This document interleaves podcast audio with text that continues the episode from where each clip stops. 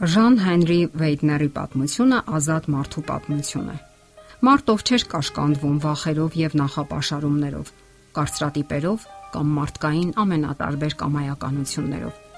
Կիսով չափ ֆրանսիացի, կիսով չափ հոլանդացի աղոթքի այդ այրը համոզված քրիստոնյա էր։ Երկրորդ համաշխարհային պատերազմը մինչև հոգու խորքը ցնցեց նրան։ Հազարավոր հрьяաների բռնությամբ ուղարկում էին մահվան հարահոս, գազախցիկներ գնդակահարության միայն այն պատճառով, որ նրանք ազգությամբ հրեա են։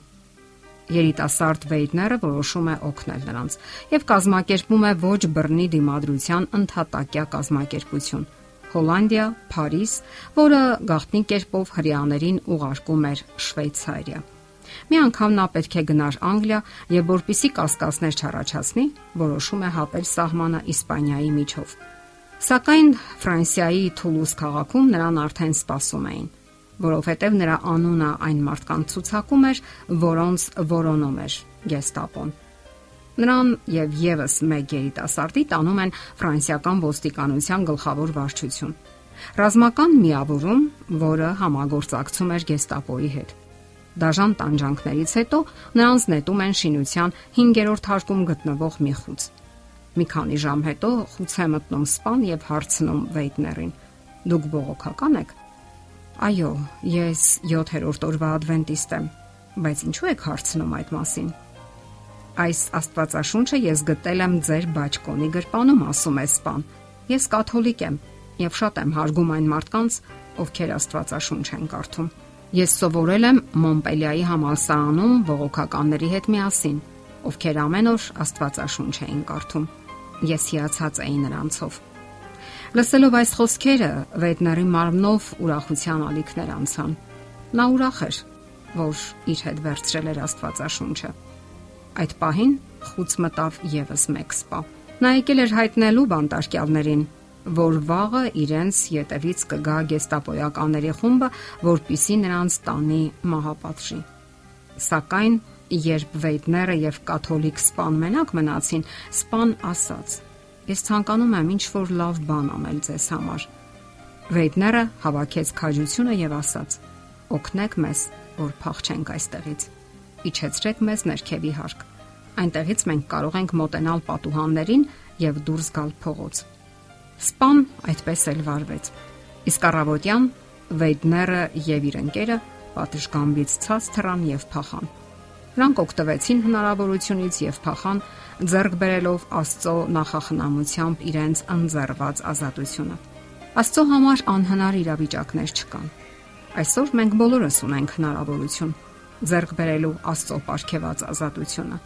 Նա կարող է լուծել մեր բոլոր հիմնախնդիրները եւ հոգեկան մեծ խաղաղություն ապարգևել։ Աստծո խոսքը ասում է. Հիսուսը իրեն հավատացած հрьяաներին ասաց. Եթե դուք իմ խոսքի մեջ կենաք, ճշմարտապես իմ աշակերտներն եք, եւ ճշմարտությունը կճանաչեք, եւ ճշմարտությունը կազատի ձեզ։ Եվ իսկապես, ճշմարտությունը ազատում է մարդուն ամեն մոլորությունից, պահելով նրան ազատության մեջ, Աստծուց ի վերուստ տրված ազատության մեջ։ Սակայն ցավոք այսօր այդ ազատությունը դարձել է շահարկման առարկա։ Յուրաքանչյուրը իր ձևով է հասկանում ազատություն երևույթը նույնիսկ աշխատում են պարտադրել ազատության իրենց ըմբռնումները։ Այսօր մեր աշխարհը նման է ճակատամարտի դաշտի, խիստ ընդգծված ատելության եւ անհավանական սիրո միջև մղվող ճակատամարտի դաշտի։ Մահացու պայքարի են բռնվել բարին ու չարը։ Աստված մեծապես չի միջամտում պատմության բնական ընթացքին։ Անսահման մեծ իմաստություն դրսևորելով նա ազատություն է անձեռել յուրաքանչյուր բանական էակի ով պետք է կատարի իր ընտրությունը։ Ընտրություն հավերժական կյանքի եւ հավերժական կորուստի միջև։ Ամեն ինչ խոսում է այն մասին, որ դեռևս չի եկել ճարիքը արմատախիլ անելու վերջնական ժամանակը։ Եվ այդ ընթացքում մարդը ընտրություն է կատարում։ Մարդիկ հաճախ բողոքում եւ դժգոհում են իրականությունից։ Նրանք մի այլ աշխարհ եւ այլ օրենքներ են երազում։